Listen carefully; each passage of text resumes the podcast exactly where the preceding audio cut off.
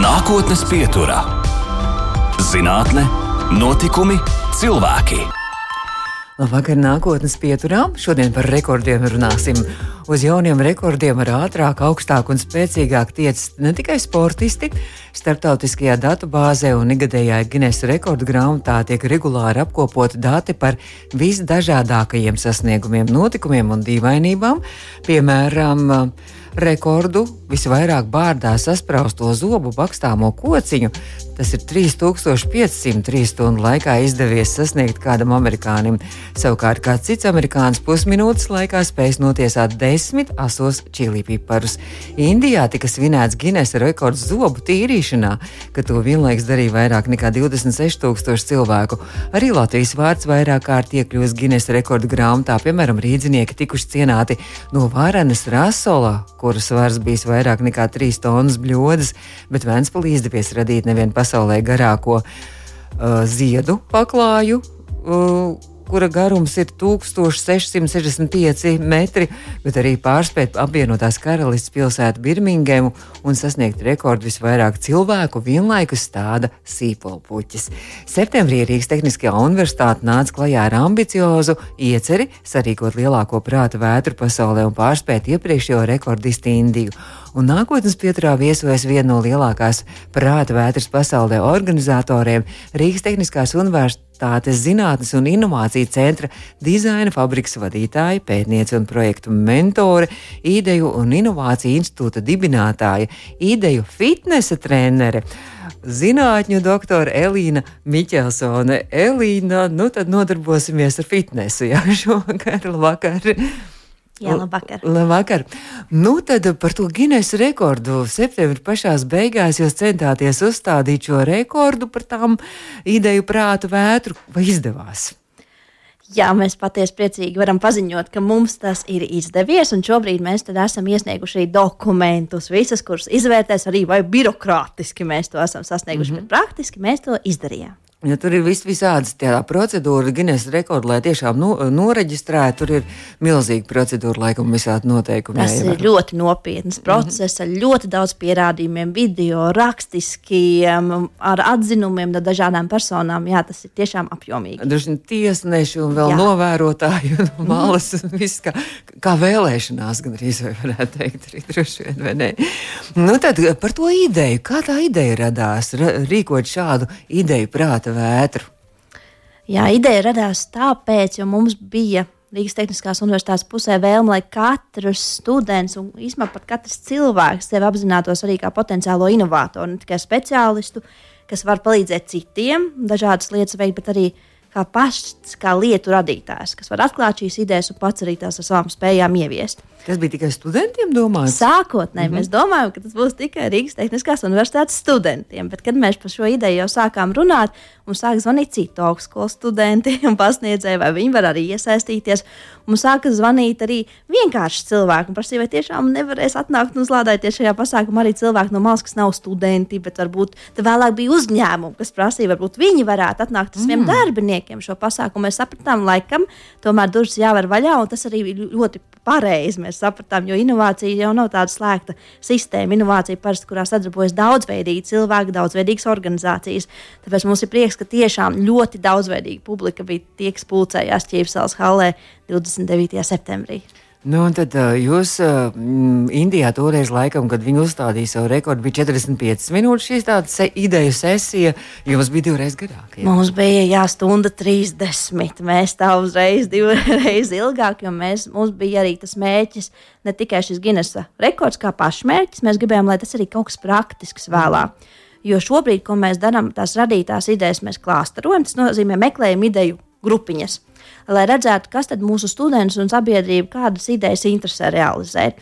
Un tad nākošā gada mūsu uh, nākošais mhm. ambiciozais mm -hmm. mērķis ir radīt atkal nebijušu tādu pieeju mūsu pusē, radīt tādā kā interesēs bāzētu inkubāciju, tādu kā biznesa community inkubator, un tad dot iespēju darboties jau inkubācijā konkrētā jomā.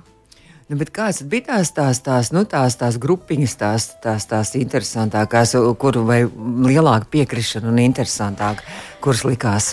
Šobrīd mēs vēl to turpinām darīt, bet tādas ideju grupas jau ir izkristalizējušās, kuras mēs diezgan izteikti redzam. Tas, protams, ir robotikas lietas. Mēs redzam ļoti daudz arī īpaši aviācijas jomā, aizsardzības jomas, medicīnas sfēra, dažādi šie green tech lietas parādījušās. Nu, ļoti daudz var teikt, ka ir tehnoloģiskās idejas, bet mēs arī redzam, ka ir tādas arī mm, diezgan izteikti, ka ir cilvēki, kas vēlās tieši netehnoloģiskām idejām strādāt. Un mēs dosim iespēju noteikti plašam lokam. Nu, bija, bija kaut kāds arī tāds pārsteigums, nu, tāds, oho, kaut kas tāds, nu, nu, tāds galīgi nebijis un kaut kas, kas jūs varētu pārsteigt.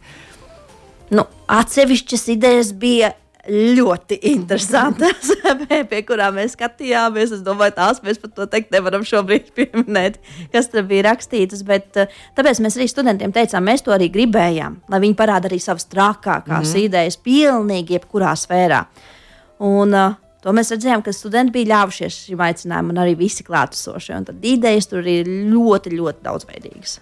Nu, bet piemērs kaut kāds varam arī tur minēt, arī, kas jums ir palicis prātā no tā visa. Pa vidu jau droši vien viss kaut kas cits jau ir bijis. Jau tikko arī mhm. atgriezāties no Japānas, bet, bet, nu, bet kaut kas varbūt. Es, es, es lasīju, ka bija arī par šo kravas, kravas saliekamo riteni. Ja? Kaut kas tāds bija. Ļoti iespējams. Es vēlāk arī skatījos dažādu cilvēku intervijas, ko viņi teica, kādas ah. idejas viņi bija rakstījuši. Es klausījos, domāju, wow, cik kolosāls idejas tika radītas. Jūs nepaspējāt pie visām pa, pieslēgties. Pašā pat. pasākuma turas laikā mēs nepaspējām lasīt tās idejas. Mm -hmm. Mēs skatījāmies, lai process norit korekti un skaitījām to kopskaitu. Mm -hmm. um, ideju, cik tās vispār ir korektas. Jo mēs arī tādas, nu, pavisam jēlas idejas, kur vienkārši uzrakstīja vārdu suns, kaķis vai meitene, tad tās mēs izņēmām ārā, jo tas aicinājums bija visiem radīt jaunas produktu vai pakalpojumu idejas. Mm -hmm. Tad tādas mēs arī ieskaitījām. Mums ir prieks, ka tur bija radīts vairāk nekā 5000 šādas mm. idejas. Tas bija tās, kas bija piefiksētas digitālajā vidē, bet mums vēl daudz cilvēku iesniedza uz lapiņām rakstītas idejas. Mm -hmm. Tāpēc mums tas process šobrīd ir nedaudz ilgāks, jo tās idejas ir jāpāraksta uh, digitālā versijā, lai mēs tos klāstus varam kaut kā automātiskāk veidot. Bet vispār par cilvēkiem runājot, katram cilvēkam piemīt iespēja radīt un ģenerēt idejas, vai ir tādi cilvēki, kuriem vienkārši nu, nav, nav, nav, nav dots. Katram cilvēkam ir šīs spējas, un tie, kas saka, viņi nevar radīt idejas, uh, viņiem ir vienkārši jāatklāj tā spēja sevi. Uh, ar, un to var panākt ar dažādu metožu izmantošanu. Tāpēc mēs arī Guinness rekordu laikā piedāvājam piecas dažādas metodas, ko viņi varēja izmantot no dažādiem aspektiem. Pirmā metode bija vienkārši brainwriting metode, kur varēja izrakstīt visu, ar ko jau tas atnāca. Cilvēki jau nāca ar kaut kādām idejām, ko viņi varētu ierakstīt. Mm -hmm. Pirmā metode bija vienkārši izrakstīt visu, kas ir prātā, brainwriting. Otrā metode bija jau uh, piemēram, nejaušais vārds. Tas nozīmē, ka nejauša asociācija tekstuāli tiek iedota. Tas ir jūs, mm. jūs tie fitnes, ideja fitnes treneri iedodat, ja to jūs uh, konkrēti, ja to vārdu? Šos vārdus cilvēki meklē grāmatiņās, oh. un mums tur palīdzēja arī Latvijas bibliotekāri, kas atsūtīja mums zējas grāmatiņas, ko varēs cilvēki šķirstīt un meklēt šos vārdus, kas viņiem uzjundīja kaut kādas oh. idejas. Un tad viņi atrada kādu nejaušu vārdu, piemēram, sniegpulkstenītis, un tas skatījās, kādas jaunas produktu idejas vai pakalpojumi viņiem iešāva uz prātā. Nu, grāmatas bija daudzveidīgas, mm -hmm. ne jau šie vārdi bija daudzveidīgi, tad uh, tās idejas arī krāsainas. Tad bija uh, metode trend watching, kas nozīmē tendenci vērošana. Tad uz tendencēm, kas šobrīd pasaulē valda, padomāt, kādas idejas varētu radīt. Tad mēs vēl izmantojām metodi, ērģeļu metodi, kurā viņi mēģināja savienot nesavienojamas lietas. Ja viņi grib kaut ko uh, taisīt saistībā ar ūdens robotiku, tad viņi mēģināja to savienot ar kaut kādiem, nezinu, kaķi kopā un domāt, ah. kas tad tur sanāk jo dažreiz savienoja pilnīgi nesavienojamas lietas, dzīves radikālākas idejas. Tāpēc mēs mēģinājām no šiem cilvēkiem izvilināt tās idejas. Un man ir prieks, ka, piemēram, mūsu aktīvākais ideju radītājs stundas 30 laikā piecām metodēm radīja 158 Oho. idejas. Stundas laikā. Stundas laikā 158. Un bija divi es, cilvēki, kas bija radījuši. Tas ir Jā. vispār pusminūtē. Uh, pus, pusminūtē, ne minūtes laikā, vairāk nekā divas, divas puses idejas minūtes Jā, laikā. Un uh, mēs vēl vēlāk mēs lasījām, vai tiešām tās ir tā, tāds īstas idejas. Mm -hmm. un mhm. tā, un mēs palasījām un sapratām, tās idejas ir kvalitatīvas. Un tiešām no šīm 158 idejām nebija tāda neviena, ko mums jāizslēdz, jo tā neatbilst mm -hmm. teikt, spēles noteikumiem. Un bija vairāk cilvēki, kas bija radījuši virs 150 idejām, un vēl jo vairāk cilvēku virs 100 idejām. Tas parādīja, ka mēs varam izvilināt. Jo no tiem, kas mums bija iesnieguši šos datus, mēs redzējām, ka nu, tas. Mm, Vidējais rādītājs bija kaut kāds 25 idejas, ka cilvēki ir radījuši. Mm -hmm. nu, tā, mhm. protams, bija cilvēki, kas tur nu, pie katras metodas vienu, bet tādu spēcīgu, apjomīgu, mm -hmm. bija ļoti detalizēta, un citi atkal tādus daudzumu bija radījuši. Tā kā prieks, un man liekas, tas arī pierāda to, ka katram cilvēkam ir spēja radīt tās idejas, bet vienkārši varbūt dažreiz vajag metodas izmantot, lai tās no sevis izvilktu. Bet tās metodas viņi varēja paši iz, iz, izvēlēties, vai jūs metodas mēs arī? piedāvājām, -hmm. mēs speciāli šo procesu vadījām, lai cilvēks var atnākt nesagatavojies. Un tāpēc mēs viņus sākotnēji arī pareizi sagatavojām, jo, ienākot zālē, tur viņiem bija iespēja uzlādēties dažādos mūsu partneru stendos. Un tad, jau, kad viņi atnāca pie mums, uz pie skatuves, un mēs sākām to visu, viņi bija uzlādēti, gatavi šaut ārā savas mm -hmm. idejas. Un tāpēc un tad jau tālāk mēs sistemātiski no viņiem izmānījām šīs idejas un piefiksējām. Bet nu, vēl par tām metodēm runājot, tad arī man arī interesanti likās, tāda, es palasīju arī, ko jūs esat arī semināros mācījis, tādas zivs asakas arī metode. Nu, piemēram, ja, tu, ja, ja, ja, ja, ja kādam kolektīvam ir jārada kāda produkta ideja, tad var tādu arī izmantot. Zivs ja? asakas metode arī var izmantot, ja fishbone metode to izmanto parasti kad mums ir kāda problēma. Mm -hmm. Mēs to problēmu, tad uz zivs asaku uzrakstām uz zivs asakas galvenās lielo problēmu, tās mazās asaciņas, tad mēs sadalām kā apakšproblēmas. Un tādā jau mēs, piemēram, uz apakšproblēmām varam domāt, kā tās mazākās problēmas iedaļas, mm -hmm. mēs varam kādus risinājumus viņām radīt. Un tad pie galvas mēs pieliekam nu, tās svarīgākās problēmas, tā pārkārtā pie astītas mazāk svarīgās un sākam rast tās visas risināt. Jo bieži vien tās mazākās, vienkāršākās problēmas atrisinot, atrisinās automātiski arī tās šausmīgi sarežģītās, uh mhm. -huh. ko sākotnēji mēs domājam, ka nav iespējams atrisināt. Nu, šī ir metode, kuru problēmām balstoties mēs radām idejas. Um, kā jau minēju, tās variācijas, kā radām idejas, ir ļoti dažādas. Uz tendencēm balstoties uz asociācijām. Asociācijas arī var būt tekstuāls, vizuāls, taktīlas, smaržu asociācijas. Tas ir tajā sešu cepuru arī metodē. Arī, sešu ja? cepuru metode ir vēl atsevišķa metode, un sešu uh, domāšanas cepuru metodi mēs varam izmantot vislabāk, lai apspriestu jau kaut kādas idejas no šīm sešām dažādām perspektīvām, ka mēs paskatāmies gan radoši uz to visu, gan ar sajūtu perspektīvu, gan ļoti kritiski, uh -huh. faktuāli. Nu, to jau es, es parasti izmantoju ne kā ideju ģenerēšanas metodi, jau kā metodi, kur jau mēs apspriežam kādu ideju no ļoti daudz dažādiem aspektiem, piemēram. Nu, bet, piemēram, tajā sešu cepuru tajā metodē, tad tur ir sešiem cilvēkiem jāpiedalās, kas viens otram tur oponē un piekrīt, un atkal no savas pozīcijas, vai, vai tur var divi cilvēki izspēlēt. Ļoti dažādas ja? variācijas. Viena no variācijām, protams, jūs varat būt seši cilvēki, kuriem ir šīs sešas dažādas lomas, un katrs to savu lomu spēlē mm. spēcīgi. Uh, var arī būt tā, ka jūs esat seši cilvēki, un jūs uh, sakiet, labi, tagad visiem sešiem mums būs baltā cepura galvā, visus faktus liekam uz galda par šo ideju. Tad mēs visi melno cepuru, piemēram, liekam visi kritiski pieejami. Bet varbūt arī tā, ka uh, jūs esat tiešām divi, trīs cilvēciņi, tad nesanāk uzreiz. varbūt uh, katram iedot savu cepuru, tad var sadalīt šīs lomas, kurš kurā mirklī uh, kuru lomu izspēlē. Tā kā ar šīm visām metodēm mums jāatcerās, ka mēs arī ar metožu izmantojumu varam būt radoši. ne tikai tām radīt radošas lietas. Tie, jā, tiešām man liekas, ka tās vispār ir tādas, jūs klausoties, liekas, ka tā ir ļoti aizraujoša lieta radīt idejas un uh, radīt kaut ko jaunu, kādu inovāciju. Tas ir aizraujoši un bīstami, jo es redzu, ka cilvēki, kas man atnāk un saka lekcijā, pirmajā, piemēram, students saka, nē. Es neesmu radošs cilvēks. Es negribu neko pats radīt kā inovators. Un pēc gada, kad man šis cilvēks zvana, saka, jā, man jau trešais uzņēmums nodibinās tām savām idejām, un man ir ideja ceturtajam. un tad saprotu, ka nu, ka cilvēks saprot, ka viņā tas ir, jo viņš nav nojaucis. Viņam stāstīšu, ka nu, nav tavas idejas tik labas, un viņš saprot, ka īstenībā viņā ir. Un mm -hmm. tik mhm. foršas idejas, un viņš sāk realizēt, viņš saprot, ka sanāk. Un tad tas aiziet vienkārši līdz grandioziem rezultātiem. Es vienkārši redzu tajos savos studentos, dažādās vietiņās, ka vienkārši ka vajag vienkārši to inerciju viņiem iedot, ka viņi saprot, ka īstenībā viņos ir tās idejas, un viņi visi reāli ir radoši. Mm -hmm. Un tad jau viss pats notiek par sevi. Jums jau pašai arī ir idejas, un jūs te atnesāt ārkārtīgi interesants tāda galda spēle, ideju cirks, ko jūs esat radījusi, ko, ko var spēlēt. Jūs teicāt, gan viens pats, gan, gan kolektīvā var spēlēt arī ja, šādu. Jā, tad, tad ideju cirka spēle radīja uz zinātniskiem pētījumu bāzes, bet vienkārši to pārvērtu tādā Mm, spēles veidā, lai mm. kurš cilvēks, gan bērnu dārznieks, to varētu izmantot, gan liels korporatīvā uzņēmuma vadītājs ar savu komandu, lai attīstītu dažādus esošus produktus, pakalpojumus, iespējams, pat pasākumus izgudrot no jauna. Un tad sanāk, uz cirkas spēles lauciņiem ir izvietoti dažādi ieteikumi, kas nāk no zinātniskiem rakstiem, kā pasaules vadošie uzņēmumi ir atraduši radikālus pagriezienus jauniem produktiem, pakalpojumiem. Un tad vienkārši šīs galvenās atziņas mēs varam izmantot arī, kad mēs kaut ko gribam attīstīt. Mm, un liekas, ka reizēm kaut kas var būt pilnīgi neiespējams, un tomēr tas cilvēks kaut kā mudina domāt un meklēt arī šo š, šādā pavērsienā, pilnīgi citā to.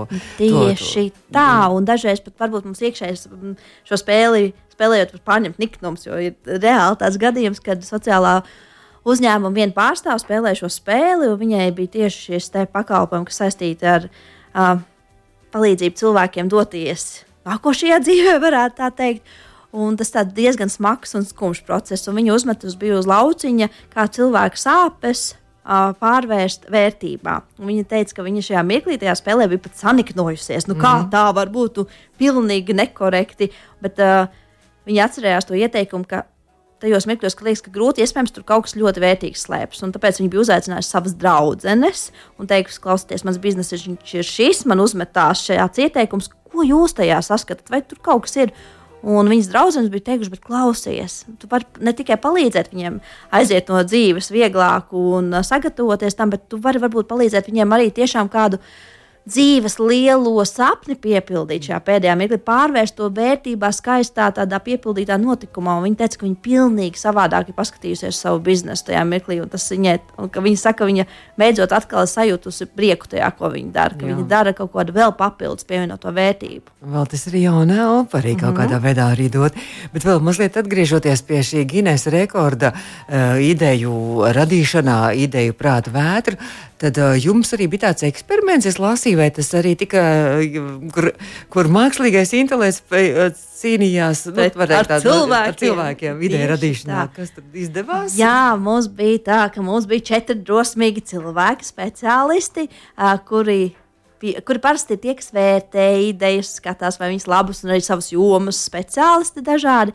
kuri piekrita sacensties ar mākslīgo intelektu. Un bija divi raundi, uh, kuros mēs lūkojām kurš būs spēcīgāks un kurš radīs vairāk un labākas idejas. Un mums ir prieks, ka beigās uzvarēja cilvēki. Uh! Uhu, jā, jo šeit es noteikti. Uh, Varu pačukstēt to, ko es parasti arī saku uh, tiem, ar kuriem es tiekos auditorijās, ka, jā, protams, ka mēs tur ierakstām kaut kādus jautājumus šajos mā, mākslīgā intelekta mm risinājuma rīkos, ka jums iedod idejas, mums liekas, viņas ļoti labas. Bet, ja mēs visi, gan jūs, gan es, ierakstītu vienu to pašu jautājumu, nu radīsim jaunas konfektes, un mēs ierakstītu vienu to pašu, tajā pašā, piemēram, ChatGTP vai mm. kaut kur, mums abām iedot vienādas idejas. Ja mums abām būtu vienādas idejas, šeit atnākot pie galda, vai tas ir radošums, ka idejas ir pilnīgi identiskas. Mm. Nu, radošums ir, ka jums ir atšķirīgas idejas. Un, bet tur atkal triks.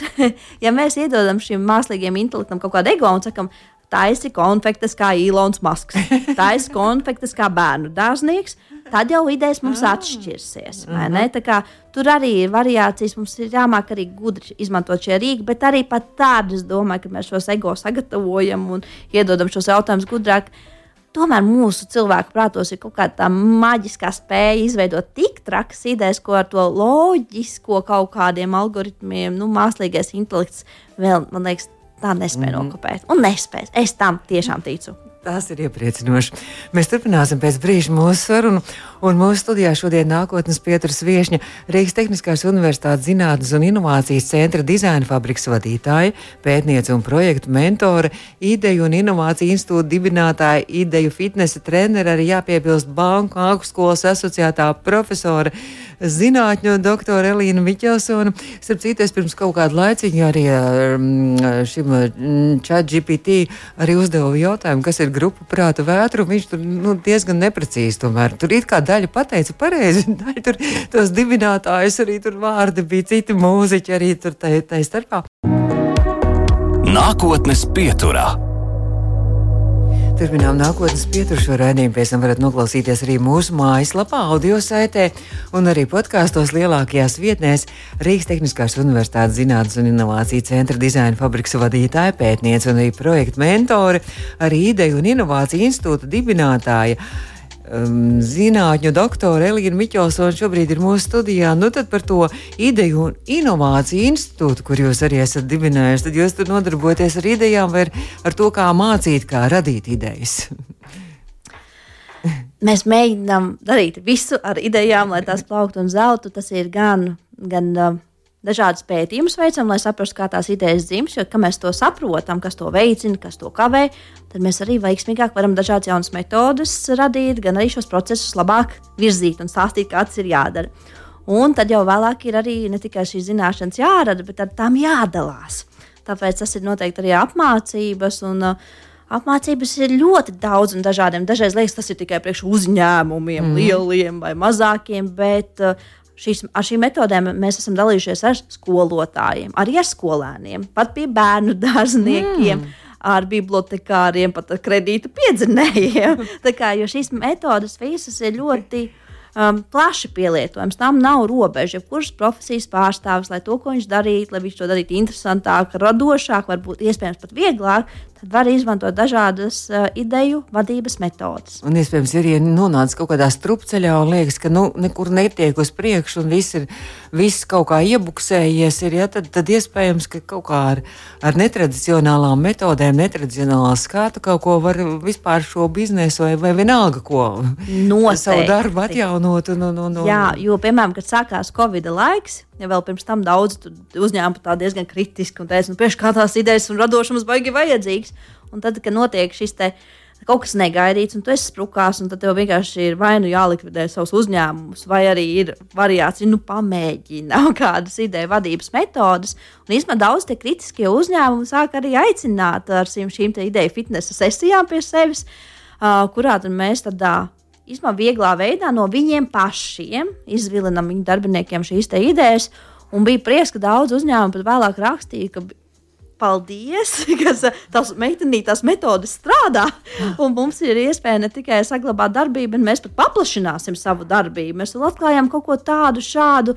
Un, Tāpēc es domāju, tajos mirkļos, ka mēs esam kaut kur iestrēguši, nevienā mirklī nevajag nolaist rokas vai saprast, o, oh, ir super iespēja kaut ko riktīgi labu un jaunu radīt.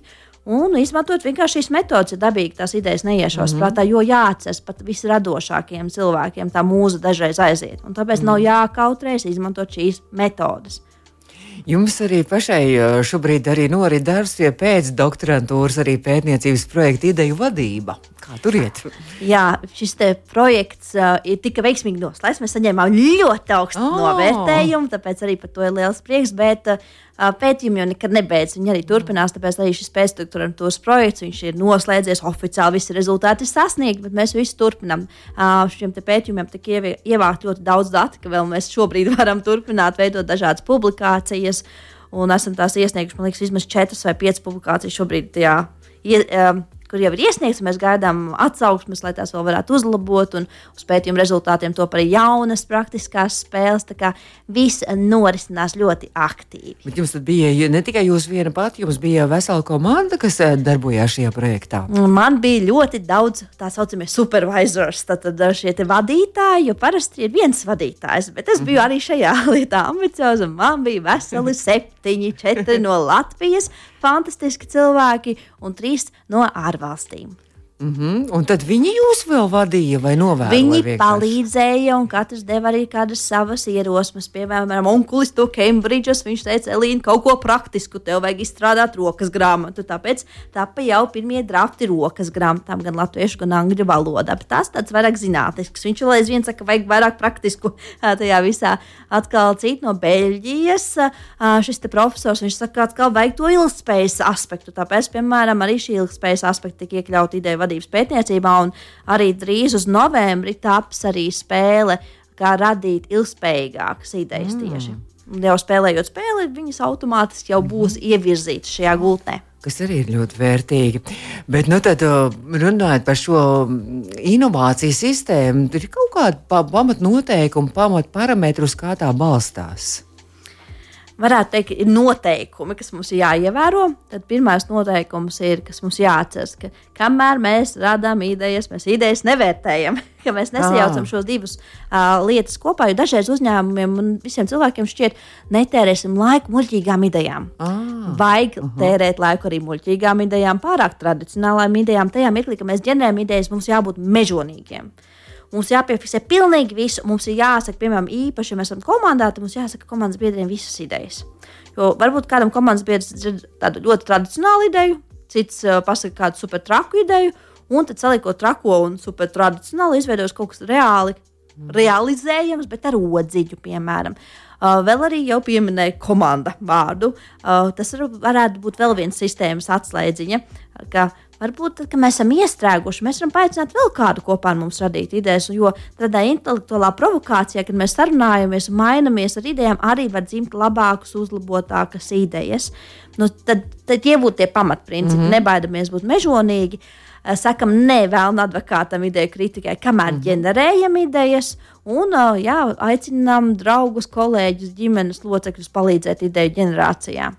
Jums arī podkāsts arī radīts ir arī par šīm visām ideju radīšanas lietām. Ja? Jā, postdoktorantūras laikā tika radīts arī podkāsts, jo, kā es teicu, ļoti svarīgi mums ne tikai radīt zinātni, rakstīt zinātniskos rakstus, bet man liekas, par to, ko mēs esam izrunājuši, mums jāstāsta citiem, lai viņi praktisku vērtību no tā visa varētu iegūt. Un tāpēc arī tika izdomāts, ka varētu pārvērst to visu podkāstā kur mēs katru reizi uzzinātu par kādu Latvijas foršu startupu, kā viņi rada idejas, lai cilvēki varētu iedvesmoties un saprast, ka katrs to dara pilnīgi savā veidā.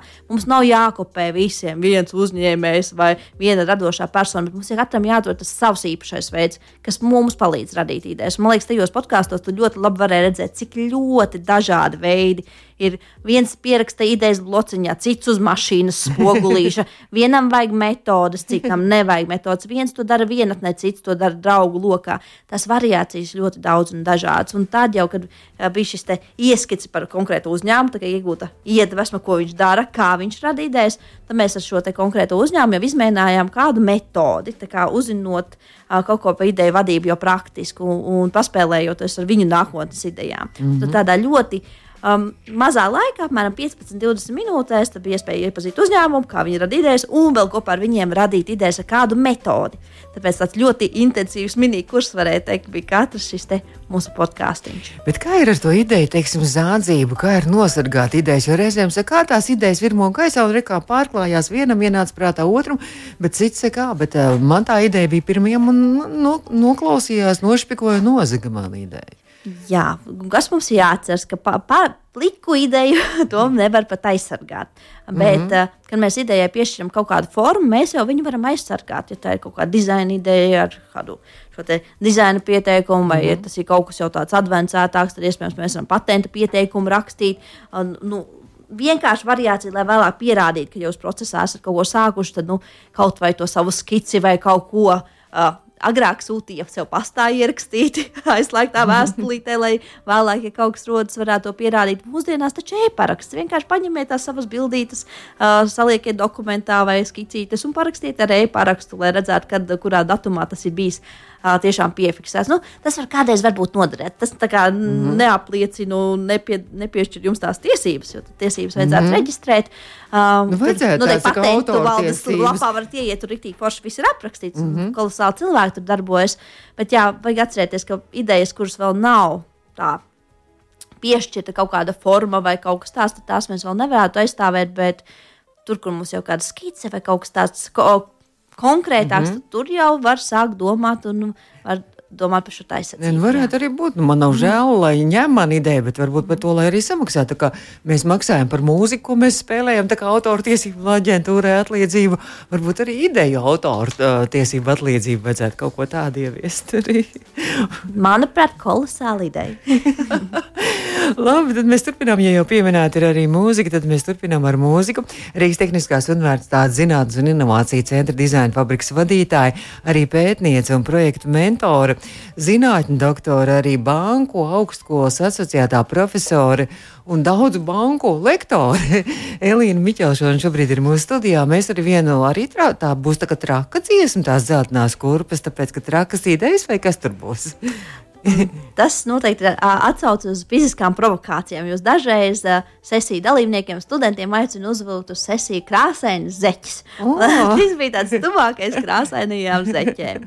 Bet jums pašai ir vienkārši fantastisks. Man žēl, ka klausītāji neredz fantastiskas krāsainas. Vienkārši kurpes es nespēju acis novērst, kad jūs atnācāt.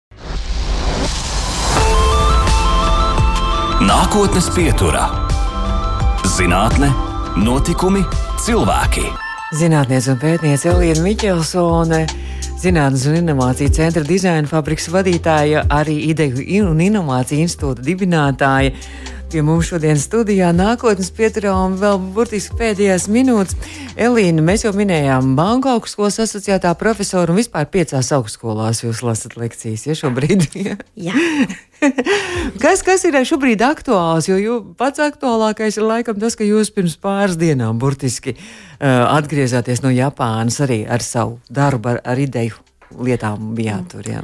Eh, ne ar savu, jāsaka tā, bet eh, mums Latvijā notiek fantastiskas lietas. Un es vienmēr, ja man prasa, ka varētu kaut ko atbalstīt, palīdzēt kādā veidā, es noteikti saku jā. Un, eh, jā, uz Japānu devāmies ar vienu fantastisku Latvijas jaunu uzņēmumu, kurš arī meklē starptautiski šos investorus un atbalstītājus, potenciālos sadarbības partnerus. Tas ir uzņēmums, kas ir balstīts uz um, Mums ir fantastisks pētnieks Latvijā, Jaunzems, kurš rada mākslīgi sintēzēto zirnekļa ah, tīklu. Jā, jā. jā un uh, šis startups to izdomājis komercializēt un medicīnas jomā. Un viena no piemēram, tādām unikālām lietām, viņi ir radījuši arī pirmos sirds vārstuļa prototipus no šī materiāla. Un jau ar izēles ķirurgiem sākuši tos visus testēt. Un iespējams, nākotnē, nu, bet tas ir nākotnē, jau 3, 5, iespējams, 10 gadi, mm. ka viņi jau varēs izveidot pilnus šos, izprintēt pat uh, orgānu šos skafoldus, uz kuriem varēs audzēt iespējams pat audus un iegūt savus orgānus. Bet, nu, to, tā ir nākotne. Man liekas, šādas fantastiskas daudzas lietas noteikti, piemēram, šis ir. Um, Viens no tādiem uzņēmumiem vēl mums ir šie zemūdens droni, kas ir Rīgas Tehniskā universitātē radīti, šie dzeltenie, kas iespējams televīzijā redzēti. Uh, mums ir meitene, kas rada no betulīna kosmētiku, nanomaskas, piemēram, un ārvalstīs es paskatījos šajās medicīnas izstādēs, ka nu, viņiem tas ir ļoti, ļoti aktuāli. Man liekas, mums ir ļoti daudz Latvijā lietas, ko mēs varētu lepoties, bet vienkārši mēs par tām tik daudz nerunājam. Es varu teikt, ka redzot, kas notiek universitātēs, un īpaši Rīgas Tehniskajā universitātē, kurā šī inovācija ekosistēma ir īpaši atbalstīta pēdējos gados ir ļoti, ļoti daudz dažādu jaunu prototipu. Viena dizaina fabrikā, jo mēs esam mm -hmm. atbildīgi par studentu inovāciju šo ekosistēmu, apmēram viena semestra laikā, dažādās programmās, gan mūsu prototipēšanas laboratorijās, mēs palīdzam attīstīties vismaz 200 jauniem prototipiem. Tie ir ļoti daudzveidīgi no šiem, te, piemēram, mm -hmm. tehnoloģiskiem droniem līdz pat ļoti netehnoloģiskām idejām, kā smaržīgi džemperi, kas vienmēr uh -huh. smaržos. Arī tāda nākotnē būs. tā jau pat nav nākotne, tā ir tagadne, jo ir radīti jau pirmie prototipi. Mums, es saku, notiek tik daudz labas lietas, man pat liekas, nebūtu iespēja izstāstīt tieši raidē par visām lietām, kas Latvijā notiek. Bet tas nozīmē, ka kāpēc jūs teicat, nezinu, nemaz tas mūsu latviešu kautrīgā ir kā tāda damba un tā negribās izrādīties, kāpēc tas tā ir. Un tur man liekas, ļoti dažādi aspekti. Jā, es redzu arī, ka paši ideju radītāji. Viņi par savām idejām varbūt vēl tik daudz nestāsta. Viņi domā, varbūt nenoticēs, varbūt kritizēs, mm -hmm. jo dažreiz ir viņi piedzīvojuši, ka ir šī kritika pret mm -hmm. viņu idejām. Bet viņi atklāja, ka viņi sāk stāstīt, un īpaši startautiski, tādā kvalitatīvā publikā par savām idejām, viņi saprot, ka viņus tur novērtē, un viņi tiek atzīti. Tad jau viņi sāk arī ar tādām staltākām mugurām par to visu stāstīt. Un uh, vienkārši mums ir jāstāsta par savām idejām visiem. Ja jūsu draugi, kolēģi, radinieki rada kaut ko, stāstiet par tām idejām, dalieties ar tām idejām, lep, atbalstam un lepojamies. Un, lai tā infekcija mm. ideju izplatās un pat tiešām kaut kas pozitīvs. Bet nu, tad burtiski pēdējā minūte mums ir palikusi tiešām pēdējā minūte. Kā jūs pati nonācāt līdz ideju vadībai un ideju pētniecībai? Tas notika īstenībā ļoti nejauši. Tas bija viens no, tas nebija mans pirmais darbiņš, bet viens no tādiem pirmajiem nopietniem darbiņiem, kad es mācījos vēl bakalauros. Latvijā tika radīta tāda sistēma, ideju akadēmija.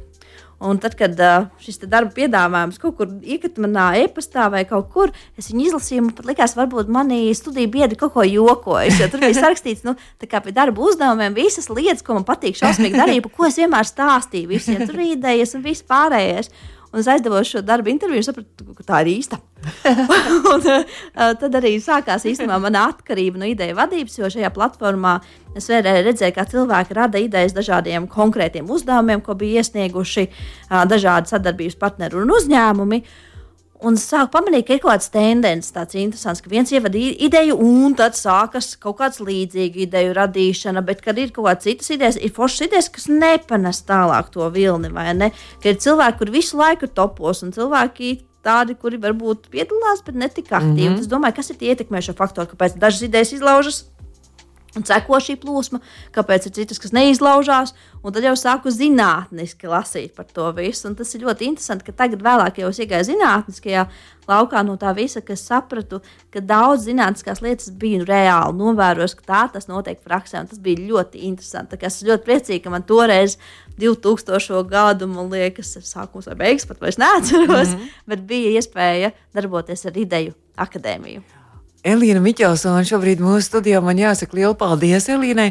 Un mēs gaidām, jūs teicāt, ka daudz jums prasa. Es arī prasu, ka grāmata varētu kaut kad arī būt, ar ko mēs varam milzīgi interesi lasīt un arī pētīt. Tā centīsimies, centīsimies. Bet šobrīd atvadāmies un būs bet, bet, jā, mūzika jau skan mūsu fonā. Jā, klausamies. Kaut kas īpašs šī dziesma vai vienkārši skaisti sāksim visu no jauna?